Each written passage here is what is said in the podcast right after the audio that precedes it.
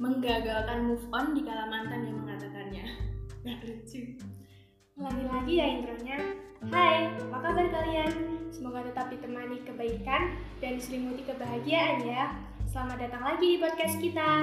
Sekarang pukul 13.29 kita membuat episode kedua yang tanpa ada salam kenal di episode pertama. Podcast ini dibuat atas dasar gabut yang bermanfaat. Padahal kan seharusnya fokus cari kuliah. Gak apa-apa lah ya. Oh iya, sejak di rumah aja banyak orang yang bercermin. Kalau melihat dirinya sebagai lebih, nggak masalah sih. Tapi sekarang kurang yang jadi masalah. Bicara soal kurang dan lebih, mayoritas semua spekulasi tertuju pada kekurangan dan abai pada kelebihan.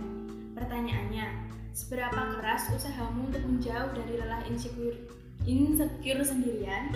Seberapa besar nyalimu untuk keluar dari jeratan? Dalam ruang ini, banyak manusia yang jauh dari perannya masing-masing. Selalu merasa asing pada diri sendiri, selalu merasa kurang dan terkekang dalam dunianya sendiri. Mereka membanggakan dirinya sendiri seolah-olah untuk menggenggam validasi dari orang lain. Mereka menjelma menjadi manusia yang tak terima akan narasi kehidupan. Menganggap dunianya tak lebih dari segala aspek.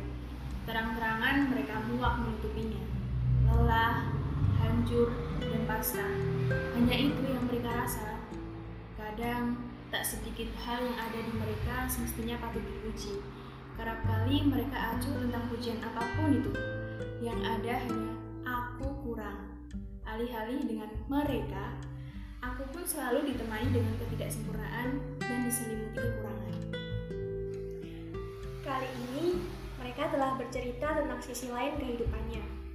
Pertama, ada beberapa teman yang bisa dibilang khawatir tentang masa depannya, merasa kurang dengan apa yang ia capai, merasa tidak mulus usaha yang ia jalaninya. Bertanya-tanya bagaimana dunianya tujuh tahun ke depan.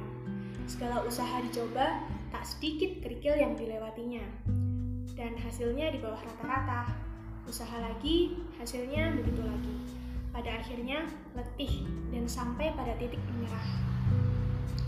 Kawan, hujan tak jatuh tiba-tiba. Hujan perlu langkah untuk menurunkan airnya. Begitupun dengan kita, manusia yang masih perlu banyak langkah di setiap hidupnya. Jangan berhenti tiba-tiba kalau belum sampai pada tujuannya. Langkahmu tak melulu terjal, langkahmu tak cuma sejengkal. Yakin, semesta telah menyiapkan sesuai dengan kadar usahamu. Semangat! Lanjut, stigma dari orang kedua. Tak ada yang tak kenal kata cinta, tapi kebanyakan dari mereka tak tahu apa artinya. Jangan anggap cinta itu segalanya, hingga membuatmu tak berdaya. Cinta tak jauh dari kata seseorang. Seseorang yang acap kali membuat sosok aku dibuat cinta, pasrah, kecewa, rapuh. Siklus yang renyah ya. Contoh, sosok aku digantikan oleh sosok yang lain. Yang membuatannya sehangat apa dia? Apa sehangat kopi latte ala kedai? Apa memang sosok aku nggak pernah meyakinkan untuk tetap tinggal? Seiring berjalannya hidup, beranjak dewasa membuat kita sadar bahwa aset terpenting adalah mencintai diri sendiri lebih awal, supaya kita dapat mencintai orang lain dengan versi terbaik. Tak ada yang salah darimu, tak perlu membandingkan hidupmu. Memilih dan dipilih merupakan kewajaran. Benar, benar adanya dirimu kurang, tapi bukankah berdua bertujuan untuk melengkapi kurang? Jika seseorang itu memilih pergi, ya sudah, gak ada alasan lagi bersama. Percuma memaksa diri untuk tetap tinggal dengan tokoh lainnya yang tak pernah melakukan gerakan. Toh, semesta akan mempertemukan takdirmu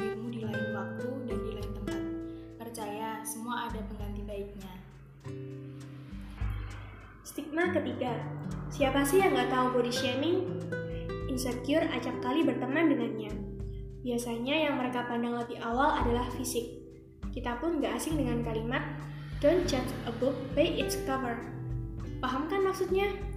Tapi tak jarang manusia lain menganggap fisik adalah hal yang utama. Menganggap dirinya di bawah apa adanya, dan ada juga yang menganggap dirinya sempurna. Tentunya yang merasa di atas sibuk mencari kelebihan dan kekurangan yang dimiliki. Begitupun sebaliknya.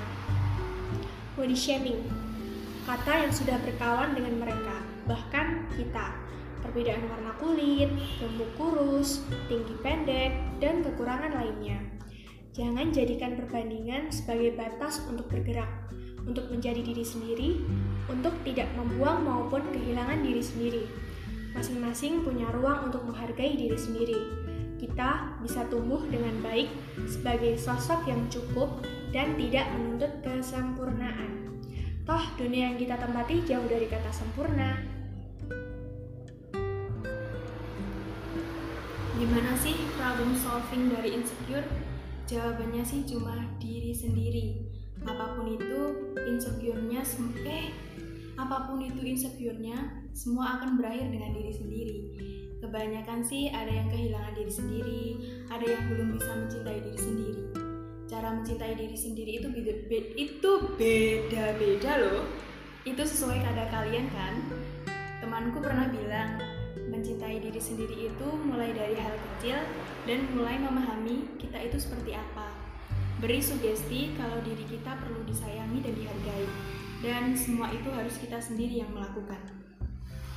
Kalian hanya butuh waktu dan ruang. Tumbuhlah dengan semestinya, berjalan dengan apa yang kau lihat itu benar. Tarik lemahmu, gantikan dengan senyummu. Yeah. Apa pun itu, tetap jadi yang kalian sendiri dengan kadar masing-masing, jadi dirimu sendiri adalah hal paling istimewa di hidupmu. Percaya deh. Jangan lupa bersyukur dan berhentilah tersungkur. Jangan sampai kehilangan dirimu sendiri lagi ya. Terima, kasih sudah mendengarkan. Aku yakin kalian bosan. Sampai jumpa lagi.